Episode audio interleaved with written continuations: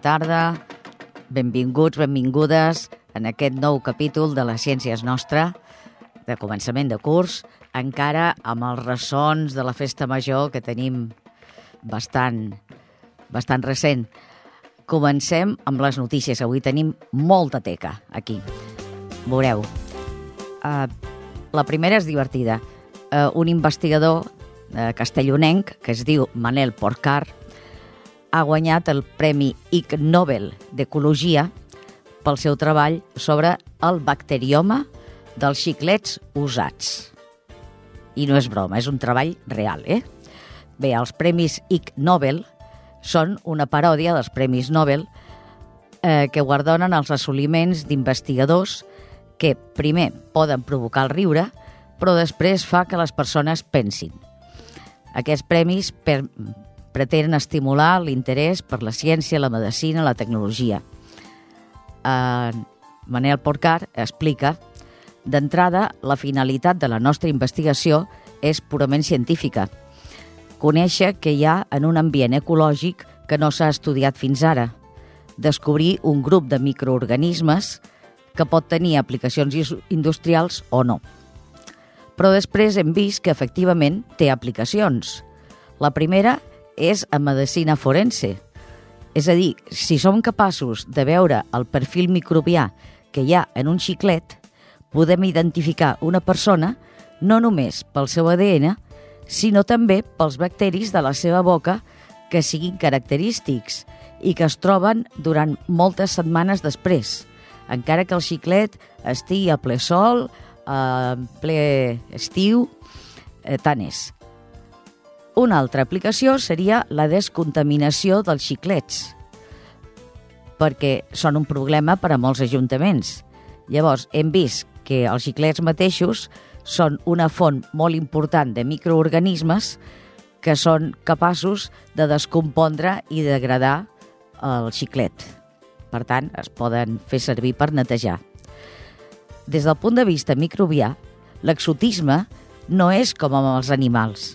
Si tu vols veure animals exòtics, te'n vas a l'Àfrica o te'n vas al zoo.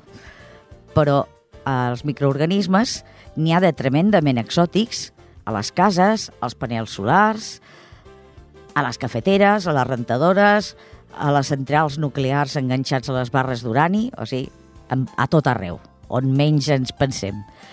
Hi ha microorganismes que es diuen extremòfils, que viuen en hàbitats durs, on la vida no és fàcil, però que tenen una enorme diversitat i un munt d'aplicacions industrials. Doncs els Premis Ig Nobel un altre tema. Uh, segons uh, la desena enquesta de percepció social de la ciència que ha fet el govern espanyol, un 84% de la població està al favor que el govern inverteixi en ciència. Això és positiu. Eh, aquesta enquesta es va fer el 2020 i eh, s'ha presentat aquest any 21 i ha consistit en 8.000 enquestes eh, fetes en tot el territori nacional. Pel que fa a l'interès en temes de ciència i tecnologia, eh, segons l'estudi, gairebé una de cada set persones manifesta de manera espontània interès pels temes de ciència i tecnologia. Home, podria millorar una mica, no? Però bueno, mm, bé, eh, estem, estem en aquesta feina. Un altre tema la vacuna catalana d'IPRA, que és una empresa que està a Mer i és vacuna contra la Covid, clar. Doncs aquesta vacuna comença l'assaig amb humans al clínic, a l'Hospital Clínic de Barcelona i al Trueta. Uh, IPRA és la primera empresa de l'Estat que rep autorització de l'Agència Espanyola de Medicaments i Productes Sanitaris per dur a terme un assaig clínic en humans d'una vacuna contra la Covid-19. Les proves es faran en diversos centres hospitalaris i participaran persones entre 18 i 39 anys a la primera fase i està basada en dues proteïnes eh, que es corresponen amb les variants alfa i beta del coronavirus, allò que hem sentit parlar de l'alfa, la beta, la delta i tot això, doncs bueno, fan servir aquestes dues, amb una tercera molècula que potencia l'efecte immunitzador. Bé, el cas és que és un mecanisme diferent de les altres vacunes que estan aprovades actualment a Europa, però s'assembla al de dues que estan pendents d'autorització per part de l'Agència Europea del Medicament. I també es pot conservar entre 2 i 8 graus, que també és un avantatge. Doncs passem a l'agenda, que també veureu quin munt de coses tenim. Primera cosa, per ara mateix, com qui diu, el 24 de setembre, celebrem la nit europea de la recerca. Amb aquesta nit es vol mostrar d'una forma divertida i engrescadora la diversitat de la ciència, el treball dels investigadors i investigadores i també augmentar l'interès del jovent per les carreres científiques a través d'una àmplia gamma d'activitats. Com que són moltes, eh, per més informació i per fer reserva de plaça, eh, podeu mirar a l'adreça cosmocaixa.org. I allà teniu tota la informació, busqueu Newt Europea de la Recerca i allà teniu tota la tota l'explicació més ampliada. Un altre que és també per ara mateix. El Museu Poblat Ibèric de Can Oliver a Cerdanyola serà un dels espais on se celebrarà el cap de setmana del 2 i 3 d'octubre eh, un cap de setmana ibèric. Aquest any es dedica a les xarxes de comunicació de la societat ibèrica. És un tema que podreu conèixer a través de les activitats i visites guiades que s'han programat. Potser els ibers no, tenen, no tenien xarxes socials com nosaltres, però estaven molt al cas del que passava a la Mediterrània. Bé, eh, més o menys la cosa va dissabte en horaris de matí i tarda, eh, jornada de portes obertes al museu, entrada lliure, al museu i al poblat. Entre les 11 i les dues i mitja i després de 4 i mitja a 8. I hi ha horaris de visites guiades. El diumenge només és al matí, d'11 a 2, portes obertes i tallers familiars diversos. I una cosa interessant que es farà a les 12 i mitja i a la 1 i mitja, que serà comunicació amb miralls amb el poble de Puig Castellà de Santa Coloma de Gramenet. O sigui, tal com ho feien antigament, que a través de miralls enviaven missatges entre pobles bastant distants. Bé, per més informació i inscripcions, ja sabeu, museucanoliver.cat. Un altre. Els jardins de la Fundació Julio Muñoz Ramonet acullen Ciensat, Cienci... Ui, Cienciart, que és un cicle de tallers i espectacles que relacionen la pràctica científica i l'artística. Al cap i a la fi, totes dues matèries fomenten la curiositat, la creativitat i la recerca. És un cicle d'activitats que té lloc entre el dia 19, o sigui, diumenge passat, i el 28 de novembre. Són dos diumenges cada mes, sempre a les 12 del migdia. Aquest primer taller, diumenge passat, ha estat la ciència del color. El 26 de setembre serà Magnètica Bellesa, que és una xerrada espectacle amb uns imants gegants que interactuen amb diverses matèries per produir fenòmens de molta bellesa, diuen. Espero que sigui molt maco. El 17 d'octubre, eh, la gravetat de les fruites. És una proposta de circ amb acrobàcies verticals i malabars que ens parlarà de la gravetat en el cos humà i més endavant de l'espectacle del sistema solar amb fruites que simbolitzaran els planetes i astres. Bé, això s'ha de veure perquè realment l'explicació és... Mm, en fi. Després, el 24 d'octubre, les matemàtiques en la màgia i viceversa. Eh, demostrarà que els números i les operacions matemàtiques són una eina molt potent per crear il·lusions. com jocs de mans, però amb números. I les dues darreres activitats, que seran els dos darrers diumenges de novembre, la música dels ocells de Collserola, el dia 21, és un taller de creació musical en el qual els assistents compondran una cançó que serà la banda sonora de Collserola a partir dels sons dels ocells que hi viuen. I l'últim taller, el 28 de novembre, és la cuina i la química. És un taller per fer experiments eh, de cuina, però mm, bé, amb la seva part de... No són tan diferents, la química i la cuina, en realitat. Bé, totes aquestes activitats són gratuïtes, però eh, cal reserva de plaça, perdó, perdoneu, sense reserva de plaça. Estic jo avui o sigui, gratuïtes i sense reserva de plaça, però fins que es completi l'aforament. O sigui, si us interessa, aneu-hi eh, una mica abans de les 12, perquè si no potser s'omple i ja no hi podreu entrar. L'adreça és al carrer de Montaner, 282, Barcelona. Passem a Ripollet, a, aquí, a casa nostra. Doncs bé, a casa nostra ja estem celebrant aquests dies a la Setmana Europea de la Mobilitat, que se celebra cada any entre el 16 i el 22 de setembre.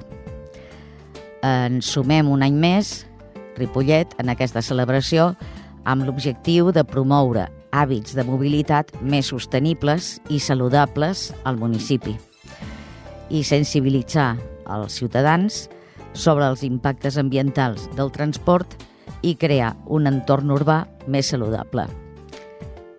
Traduït, mm, fer una mica més d'exercici, deixar el cotxe sempre que es pugui, caminar o anar en bicicleta, que això és saníssim, ja dic, sempre que es pugui, eh? Però mm, ser-ne conscients de que això és bo per nosaltres mateixos i per l'entorn.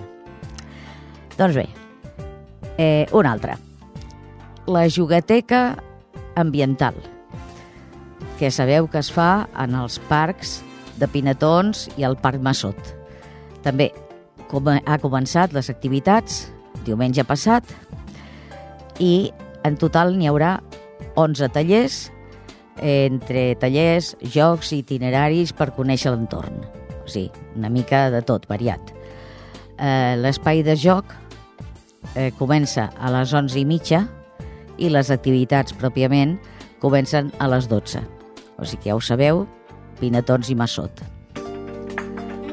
Tenim una entrevista molt especial perquè és amb la gent de l'empresa Pirotècnia del Mediterrani, que són els que han organitzat els focs artificials d'aquest any i de molts altres anys anteriors. Són els que tradicionalment ho fan.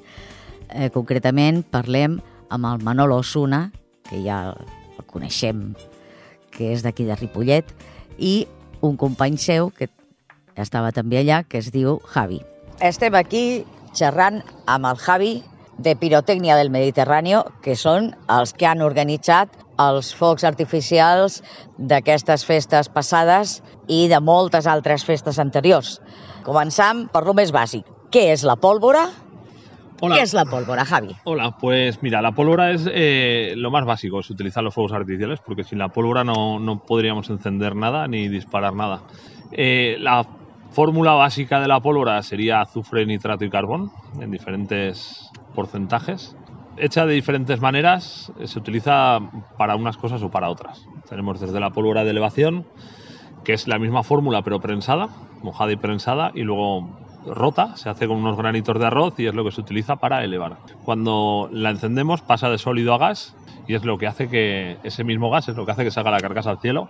Eh, luego tendríamos la pólvora que se utiliza para las mechas, básicamente también es la misma composición, aunque con, un tipo de adhesivo que se llama goma arábiga, que mm, lo que hacemos es hacer una pasta y tirarla con unos hilos que son de 100% algodón y cuando se seca, esa pólvora se queda pegada a los hilos y es lo que utilizamos pues, para encender todos los artificios que hay en un castillo. Eh, son las mechas, vamos. Correcto. Y la otra vendría a ser como la pólvora de una pistola, una cosa de esas. Sí, la, pólvora que utilizamos, la, se hace un tipo de pólvora muy fuerte, que lleva más horas que se ruedan en los bombos de manera binaria, por separado, para que no haya peligro, que sería para para darle el rebozado, para que me entiendas, el empavonado que llamamos nosotros, eh, a las bolitas de color. Las bolitas de color son aleaciones de metales al final. Entonces, esas aleaciones necesitan mucha temperatura para que enciendan el rojo, el amarillo, el azul, el verde. Entonces, se utiliza esa pólvora para que suba esa temperatura. Se, utilizan, se utiliza también con humo de imprenta y, se hace en polvo también. Entonces, se, utiliza con, con agua destilada o con, con alcohol y y lo que hace es pegarse la pólvora a la bola, se deja secar y ya tendríamos. Y ya la tenemos preparada para hacer todos los colores. Correcto. Oye, y otra cosa, que yo estoy aquí contemplando todo el montaje, ya veréis las fotos en Instagram y en el Facebook, y es que vosotros, esas mechas que me has explicado, en realidad es muy poquito lo que hay de mecha de esa tradicional, porque básicamente esto va de forma electrónica va todo con cables. Sí, hoy en día se dispara todo, prácticamente el 99% se dispara todo por ordenador y por cable y nosotros programamos en la fábrica todo lo que es el diseño se programa y se, se, hace, se vuelca a unos ordenadores, que es los que están puestos aquí en el, sitio de disparo, y es cuando damos la orden. Eh, esa orden le llega a unas mechas que están compuestas de pólvora también, con esos hilos que he comentado, y eso, esa pólvora que está metida con los hilos va enfundada en, un en, papel y en plástico para que no se nos moje. Lo que hace es aumentar la velocidad de la pólvora, o sea, de, de 0 a 100 pasa de algo que se pueda quemar en 20 segundos, pasa a durar instantáneo, un segundo, instantáneo. Entonces con eso conseguimos que los fuegos sean mucho más simétricos. Claro, porque si no, entre que das la orden y que eso se enciende... Claro. Nosotros somos fabricantes de pólvora actualmente. Tenemos nuestra normativa de calidad, pues los materiales cuando nos llegan los examinamos. Examinamos el nitrato potásico, el carbón, el azufre, la goma, todos los productos que utilizamos. Y una vez los se mezclan en binario, se mezclan por separado. Por un lado va el nitrato con el carbón y por otro lado va el azufre con carbón y con goma porque juntos podrían podrían, explotar. claro. Entonces, para, para, la seguridad de nuestros técnicos se hace por separado y una vez están mezclados los componentes por separado, luego sí que se juntan y se, digamos que se activa la pólvora, ya está activada para, para poder trabajarla. Y es cuando ya hay riesgo y hay que tener mucha precaución. Claro que sí. Entonces con esto también evitamos que suba la temperatura, evitamos que, que hayan chispas, cualquier tipo de, de reacción que pueda encender esa pólvora. Este es el botón rojo. Vale. ¿Lo has entendido? No tenemos fallo, pues salimos de aquí. Ya está. Qué chulo. Y ahora, ahora lo siguiente ya sería disparar y girar llave. Hazlo otra vez tú, porque sí, entran pruebas.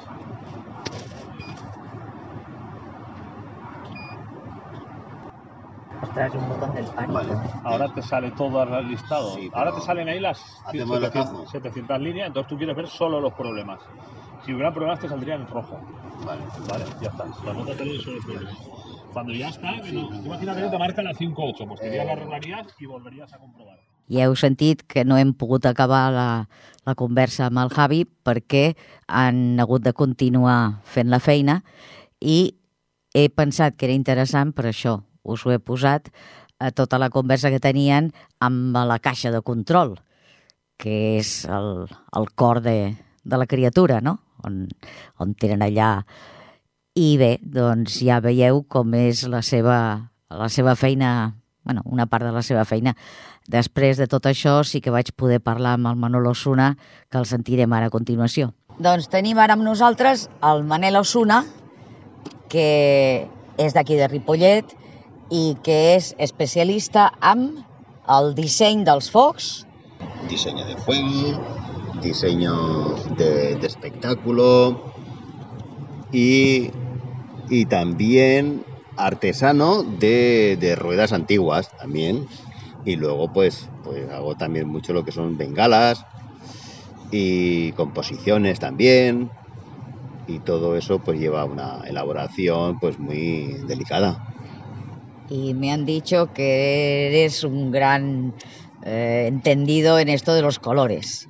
Bueno, tanto como he entendido, no. Yo Bueno. he podido, he podido eh, heredar las fórmulas de mi antiguo maestro que tuve, que es Ramón de la Torre, que él me enseñó cómo manipular y, trabajar la- las mezclas de, de colores para poder hacer bengalas. Vale, pues háblanos un poquito de esto de los colores, como Pues ¿Cómo para se hace? las- son, son productos muy, muy básicos. Para hacer el color rojo, pues eh, necesitamos el nitrato de estroncio. Para el verde necesitamos el nitrato de bario. Y, el amarillo, pues eh, criolita, de principio criolita. Y luego, pues el blanco, pues aluminio. Son los cuatro colores que más... y el naranja es sodio, ¿no? Bueno, ya hay composiciones que ya van No se haciendo. usa. No se usa. Sí, se usa, pero son composiciones que, que en, la, en la bengala no, no se usa. Ajá, No. ya. Oye, y ya que estamos, hablemos un poquito también, que es importante, de las medidas de seguridad. Por ejemplo, eh, Javi nos ha explicado que cuando se fabrica la pólvora, se fabrica por separado mm, los componentes, porque cuando se mezclan es cuando puede explotar, claro. Sí, está la. Primero se mezcla la- el, el azufre con el carbón, se puede moler y cuando está bien molido, pues en un bombo es donde hay que mezclar el, el nitrato de potasa para que no haya ningún roce ni, ni haya peligro de, de rozamiento para que explote. Sí, porque cuando se mezclan, ¿qué pasa? El nitrato, eh, ¿qué hace el nitrato? Pues el nitrato lo que le da es eh, oxígeno para que Oxígeno. claro, cuando arde oxígeno y el, y el, y el azufre es el, el comburente. El azufre es lo que se quema, Sí. vale. Y el otro es el que hace que se queme. De las fórmulas antiguas de los maestros, de los maestros que se van heredando de, de familia, actualmente esas fórmulas están observadas por, por, por- por Patentadas. químicos, ¿no? No. Por químicos para poderlo mejorar. Darle En la humo, empresa para se darle más necesita color. químicos también. Sí, sí, para darle una seguridad también al producto, Claro, para quitarle peligro. claro. Tiene que tener un control de, de calidad. Todos los productos que entran tienen que pasar por unos químicos. Oye, pues no te entretengo más. Muchísimas gracias, Y, no solo por la entrevista, sino por todo el trabajo que hacéis. Espero eh, que lo hayáis disfrutado muchísimo y que el año que viene podamos hacer unos fuegos todavía mejores, cada año mejor. Sí, el año que viene ya todo donde siempre, tradicional y, Muy bien. y todo el mundo que vaya allí a que Pues- salga de sus casas para ir a ver los fuegos al sitio de siempre y, y hacerlo el sábado, que eso es el día más, más tradicional que hay aquí en Ripollet. Molt bé, Manel. Queda apuntat i a reveure fins l'any que ve, Molt bé. que diuen. Molt bé, moltíssimes gràcies. Heu sentit el Manolo i el Javi explicant, però si voleu veure les fotografies de com van anar fent tot el muntatge, eh, les podeu trobar en el Facebook o a l'Instagram. Ja sabeu, busqueu La ciència és nostra i allà trobareu tot el reportatge fotogràfic.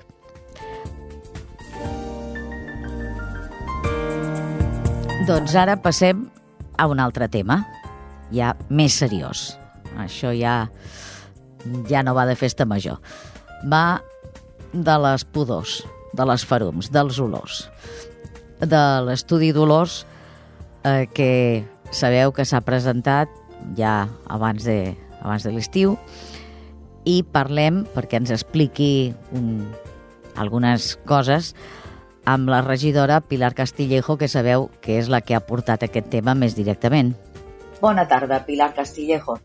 Eh, Hola, Virginia. Bona tarda. estem aquí per parlar de l'estudi aquest d'olors, l'últim que s'han presentat els resultats, que hi ha aquests panells informatius i per qui vulgui més informació també hi havia tot un estudi descarregable molt Mhm. més extens i molt més detallat. Bé, jo sobre això tinc tres preguntes que se m'han acudit. primera és com és que l'estudi s'ha centrat en l'ecoparc perquè em semblava que hi havia també altres focus de contaminació per olors. Uh -huh. Sí, sí, és cert. O sigui, el primer estudi que vam realitzar eh, van sortir altres focus emissors d'olors dintre del municipi. Crec que també és interessant pensar per què vam fer aquest primer estudi d'olors. Val? Aquest estudi ve del 2016. Nosaltres, quan arribem al 2015 al govern, teníem un problema molt greu no? d'olors per una indústria que és la de l'ecoparc. Es tracta d'una indústria, l'autorització ambiental de la qual l'emet la Generalitat de Catalunya directament, el volum de l'empresa, i que a més a més no està ubicada al nostre terme municipal. I llavors tampoc no podem realitzar cap tipus de control ambiental sobre l'empresa directament. Clar. Però amb el que sí que tenim, podem actuar, no? perquè tenim competències municipals, és sobre els dolors i les molèsties que ocasionen amb els nostres veïns i veïnes. Sobre el tema dolors sí que podem actuar. I és per això que comencem a fer aquest estudi d'olors. Un tema de les olors, com ja veus tu, una mica ambigu, no? perquè eh, com definim quan una olor arriba, quan una olor es molesta, quan, eh? és un tema sí, sí. Que, que no acaba d'estar determinat. Mm-hmm. Hi ha uns paràmetres del que es considera molest i tot això, no? Sí, però no tenim cap llei, eh? A Catalunya bueno, no tenim... Llei no. Hi ha un esborrany de llei, no. però sí. no tenim una normativa clara. Sí que tenim sí, pel que sí. fa a emissions ambientals. Pel que fa a emissions sí, però de molèsties dolors no en tenim una normativa desenvolupada. Per tant, estem en un món una mica complex per això mateix, perquè no tenim una normativa desenvolupada. Estem una mica en un limbo. Es pot mesurar, però no hi ha una llei que digui a partir d'aquí eh, està prohibit, no, no hi ha una sí, sí. legislació. Uh -huh. Llavors, clar, nosaltres per això comencem treballant amb aquest tema de les olors perquè és en el que tenim competències per actuar clar com ja et dic, eh? com una, amb una indústria de la que ni emetem l'autorització ambiental ni tan sols està al nostre municipi. I amb mm. aquest primer mapa que fem sí que ens surten altres indústries que també afectaven. No? Fem un mapa general sí. i veiem que l'impacte principal el rebem de l'ecoparc, però que també hi ha altres focus. Alguns amb altres municipis també, no? com hi ha temes que també estaven a Barberà, ens arribaven, el tema de l'empresa aquesta dels lípids, no? també sí, sí, sí. i altres indústries ubicades al nostre municipi. Llavors, amb les ubicades al nostre municipi, nosaltres actuem immediatament. I llavors enviem auditories ambientals a totes elles, requerint tota la documentació ambiental, en alguns casos no estaven al dia i per tant es requereix tot. I es posa al dia tot allò que podem controlar. Parlem també amb l'Ajuntament de Barberà perquè pugui fer un seguiment semblant al que fem nosaltres, però bueno, això ja és un altre àmbit municipal i no podem. Però el que sí que detectava aquest primer és que l'impacte gran, dolors que reben els nostres veïns és l'ecoparc. I per això el que fem és, com que ja actuem sobre les altres petites indústries ubicades al nostre municipi, doncs continuem aquest segon estudi centrar-nos bàsicament en allò que realment impacta amb els nostres veïns, amb el que més impacta, que és l'ecoparc. I per això fem aquest segon centrat en l'ecoparc. Tot i que, com que els detectors que posem estan distribuïts per tot el municipi, continuem analitzant eh, també tots els compostos orgànics volàtils que hi ha provenents d'on siguin. Eh? Ho estem recollint tot, tot i que és cert que ens centrem en l'ecoparc perquè és la principal, el principal focus emissor. Uh mhm. -huh.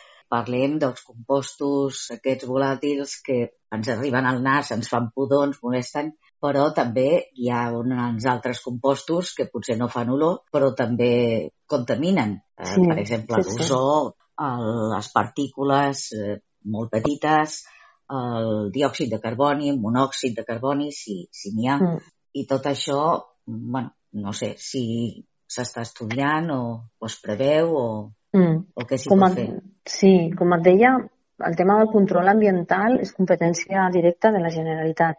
Clar. Però tot això, tot això nosaltres sí que ho estem fent, no? perquè pensem que és important també que ho recollim. Perquè com dius tu, perquè el primer que veus és quan detectem això de les olors, penses, Buah, i tot el que jo no oloro, però en realitat igualment està sortint d'aquest focus i em pot fer, no? Pot ser pitjor encara, perquè no ho detecto, sí, sí. però és dolent per la salut, i més perquè vam veure notícies per ahí sí, sí. d'alguns elements, no? Sí, Llavors, sí. nosaltres amb aquests, eh, al final, encara que sigui a través de, de l'olor, que és on tenim competències, el que estem fent és un estudi de l'impacte ambiental d'aquest sí. ecoparc. I, per tant, el que estudiem és eh, totes les substàncies que emeten, eh? tant sí, matans sí. com, com dius tu, eh? monòxid de carbon o diòxid, com també els formaldehits, aquest tipus de substàncies, eh? Bueno, els formaldehits entrarien òxids de sofre, sí, sí, sí, totes les partícules. Estudiem un, tot el conjunt de partícules que, que ens sí. arriben mm, i la veritat és que a través d'aquest conveni amb, amb l'UPC fins i tot estem estudiant més partícules d'aquelles que en concret ens arriben dels estudis que fa, no? que, ens, que ens fan de l'àrea metropolitana de control ambiental. Estem analitzant moltes més partícules. O sigui, jo tenim crec que és encara un... molta més informació que, sí, exacte. que la genèrica, diguem. Acabem per la pregunta obligada. Eh, tot això, tots aquests estudis, mm, després quina finalitat pràctica tindran? Això ens servirà per poder influir d'alguna manera sobre l'ecoparc perquè posin més filtres, per exemple? O... Mm. Doncs, sí, sí. No, jo, jo crec que, que, clar, en aquest moment que eh, l'impacte és menor, mm, potser no ens en recordem no, de, de, del que va passar ara fa cinc anys, però si fem memòria, és gràcies a que fem aquest tipus d'estudis i som des de l'Ajuntament que exercim les nostres competències en temes d'olors i comencem a fer aquests estudis que les olors disminueixen. El primer estudi era claríssim, al moment que es posa en marxa redueixen de manera dràstica tots els episodis puntuals d'olors. Això vol dir que l'Ecoparc comença a aplicar protocols per cuidar-se'n de que això no ens arribi i que era només un tema de voluntat de fer-ho. Voluntat de fer-ho i d'inversions. En aquell moment inverteixen en canviar totes les cobertes de manera que es creïn amb tots els digestors que siguin espais estancs i no s'emetin olors de manera eh, el que els diuen difusa, no a través de les ximeneies, que això ho teníem més controlat, sinó doncs, tots els espais oberts o pocs nets doncs, que emetin sí. olors, tota aquesta inversió es fa, es canvien tots els biofiltres de les ximeneies de manera que eh, no? controla molt més tot allò que estan emetent sí, sí. a l'atmosfera i no només el que fa olor, com tu deies, eh? perquè els biofiltres aquests bueno, clar, filtren... no? filtren tot. Tot, clar. clar. Sí, sí. sí. I això passa en el moment en què nosaltres comencem a exercir un control del que està passant, no? I comencem a vigilar què és el que estan emetent quan ho fan. Aquestes inversions han de ser constants. Aquests biofiltres s'han de tornar a canviar.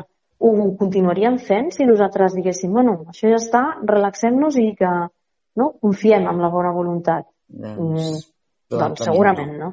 Probablement, segurament no, no, perquè la pela és la pela i l'euro encara més. I... Ah, ja està, i són, no? són inversions. Molt sí, milionares que, que d'altra banda eh, serien benefici directe. No? Mira, tot això que tinc de benefici i en canvi, bueno, i, i el cas, és, el que ens ho demostra són els fets. Això comença a passar en el moment que comencem a posar en marxa sí, aquest sí. control. Abans, bueno, pues, semblava que és que, bueno, pues, si és una planta fa pudor i ens l'hem de menjar. I en el moment que tu dius, no, no, sí, sí. és que... Tenim dades concretes i... Ah, ja està, i podem demostrar que esteu emetent i quan ho feu sí, i mireu sí, els sí. pics no, tan elevats que estan produint d'emissions, és en aquell moment que frena tot, quan podem demostrar amb dades científiques no, allò que al final tots els veïns sabien. Sí, no? que l'Ecopar feia molta pudor. Una cosa és eh, ensumar-ho i una altra cosa és tenir allà totes les dades mm, eh, totes Exacte. ben, ben mm especificades, no? Exacte. Eh, jo crec que, clar. que, que, que aquest, aquest treball conjunt que fem amb, amb, amb la universitat és bo per la universitat, perquè és un conveni que a ells els hi permet desenvolupar millor les eines que tenen. Per exemple, recordes que al principi, no sé si us recordeu, quan fèiem allò de, de, de, de detectar els episodis, ho fèiem amb voluntaris que vivien sí, per la zona sí, sí, sí. i hem de posar en marxa, quan ells detectaven que feia pudor, havies d'anar a la màquina i posar-la en marxa. Sí. Doncs ara la UPC ha desenvolupat uns captadors d'olors que automàticament engeguen quan detecten que hi ha aquests pics. Per tant, tota aquesta evolució, evolució que s'ha fet no? en desenvolupar una tecnologia millor doncs també és perquè hi ha hagut aquesta col·laboració amb l'Ajuntament. No? Ah, o sigui, ens sí, permet sí. desenvolupar millors sistemes de detecció i a nosaltres ens permet tenir eines per controlar les indústries que d'altra banda no podríem de cap manera, perquè ja et dic que o és la Generalitat o és l'Ajuntament de Montcada qui ho hauria de fer i qui en tot cas no ho estava fent. Mm? Doncs, sí, sí. Bueno, jo crec que la utilitat bàsicament és aquesta, eh? Tenim eines que ens permet controlar aquesta indústria que ens contamina. Si vols afegir alguna cosa més, jo no tinc cap més pregunta. Doncs, bueno, doncs aviat ara, ara, que, ara estem instal·lant els nous captadors aquests automàtics que t'explicava. Sí. Els estarem, els comencem a instal·lar la setmana vinent. Jo crec que, que també serà bueno, no, una, una última fase perquè tindrem aquest control uh, en continu. I això és molt interessant. Sí, sí. Aquest control farem en continu. Automàticament. Uh -huh. Exacte control en continu. I això, doncs, a finals d'aquest mes comencem la instal·lació d'aquests I en temps real, a més, oi? Em sembla. Mm -hmm. Exacte. Si té sí, només sí. que es produeixi un episodi, arriben les dades exactes de, de tot el, tota la informació sí. per poder sí, sí. ràpidament fer un toc de telèfon o el que sigui i dir, ei, escolteu, mm. Mm, que Exacte. tornem aquí a tenir problemes. Sí, sí. Doncs... O sigui que, bueno, que, que anem fent i anem evolucionant, no? I anem a més, anem a millorar aquest sistema de control. Home, fa pinta que sí, no? Sí, jo sí. crec que, que s'ha de reconèixer, vaja. Doncs, eh, mira, moltíssimes gràcies i, i vaja, eh, gràcies per l'atenció i per la, pel temps que, que ens has dedicat. I ara, a tu, eh, Virginia. Moltíssimes Molt gràcies. Doncs a tu, fins a la propera. A... Parlem ara d'enginyeria electrònica i música. Bé, tots coneixem el grup Queen. Aquest quartet va fer des del rock més clàssic fins a balades i molts altres gèneres musicals. Les seves guitarres tenien un so característic. Això va ser gràcies als coneixements d'electrònica del baixista John Deacon i el guitarrista Brian May. En John, eh, que era estudiant d'electrònica, va construir un amplificador a partir d'una placa que va trobar al carrer, un circuit elèctric. En Brian no tenia diners per comprar-se una guitarra i amb l'ajut del seu pare es va construir una a mida, a més al seu gust. Doncs la guitarra Red Special de Brian, junt amb l'amplificador DC Amp de John, poden imitar violoncels, violins, trombons, clarinets, banjos i fins i tot veus humanes. S'han fet llegendaris, fins al punt que avui dia se'n comercialitzen rèpliques, i no van pas barates. Bé, escoltem un exemple d'aquests efectes sonors a la cançó Good Company, cantada per Brian May, eh, de l'àlbum I Night at the Opera.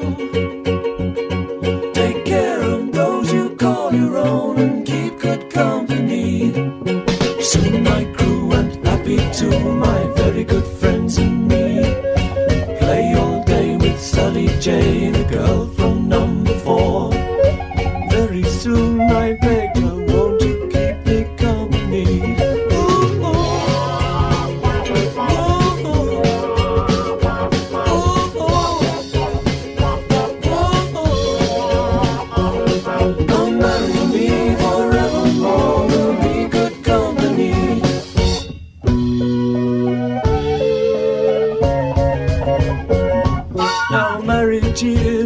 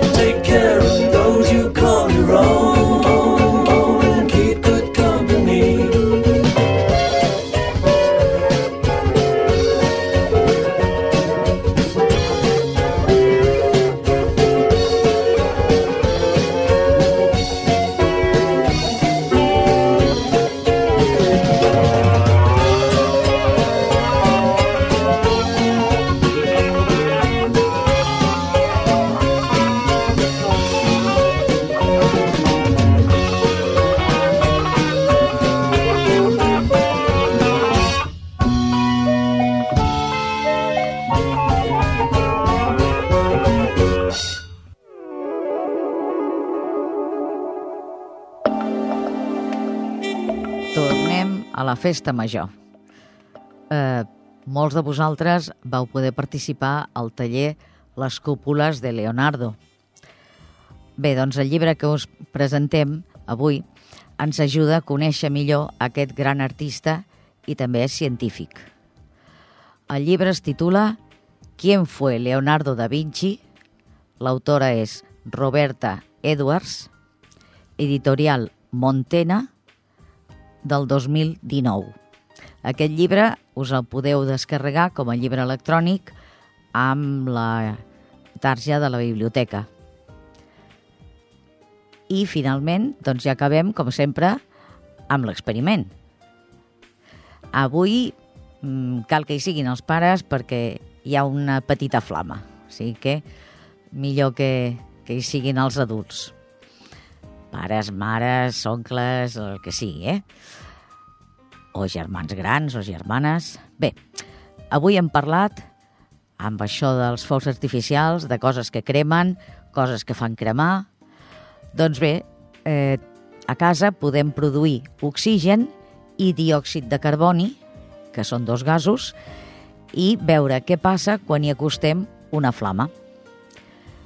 La primera part és amb l'oxigen. Per obtenir l'oxigen necessitem una ampolla que li puguem posar un tap. A dins de l'ampolla hi posem un raig d'aigua oxigenada i un tros de patata crua i ho tapem i esperem una miqueta. La patata resulta que té un compost, que és un enzim, que fa que l'aigua oxigenada es vagi descomposant i deixa anar l'oxigen, que s'acumula a la part de dalt de l'ampolla. Mm? Llavors, al cap de, bé, de 5 minutets, una cosa així, destapem, encenem un misto i portem la flama sobre l'ampolla. Veurem que l'oxigen que surt de l'ampolla fa que la flama sigui més viva. La segona part. Agafem una altra ampolla, semblant, per fer diòxid de carboni. A dins de l'ampolla aquesta segona hi tirem bicarbonat, del que tenim per casa, i un raig de vinagre. I posem el tap. Esperem una miqueta i veiem que surten bombolletes. Aquestes bombolletes són el diòxid de carboni, que també és un gas, Bé, doncs, quan ja veiem que ja comencen a parar les bombolletes, fem el mateix que hem fet abans. Destapem, encenem un misto i aboquem l'ampolla sobre la flama. Mm? Veurem com la flama es fa més feble i potser s'apaga i tot, perquè amb el diòxid de carboni la flama no pot cremar bé. Doncs bé, els meus grandets eh, podeu explicar una miqueta per què en un cas posem la flama per dalt de l'ampolla i en l'altre cas eh, aboquem l'ampolla, el que té dintre l'ampolla, que és el gas, sobre, sobre el misto, a veure què us sembla per què és aquesta diferència, eh, per què aquests dos gasos són tan diferents, els pares, mares, germans, germanes Mm, hi podeu col·laborar. I fins aquí el programa d'avui. Doncs ens veiem o ens sentim més aviat el mes vinent i això sí, recordeu que teniu totes les fotos que jo vaig fer el dia aquest que em van deixar estar veient com feien el muntatge dels focs artificials.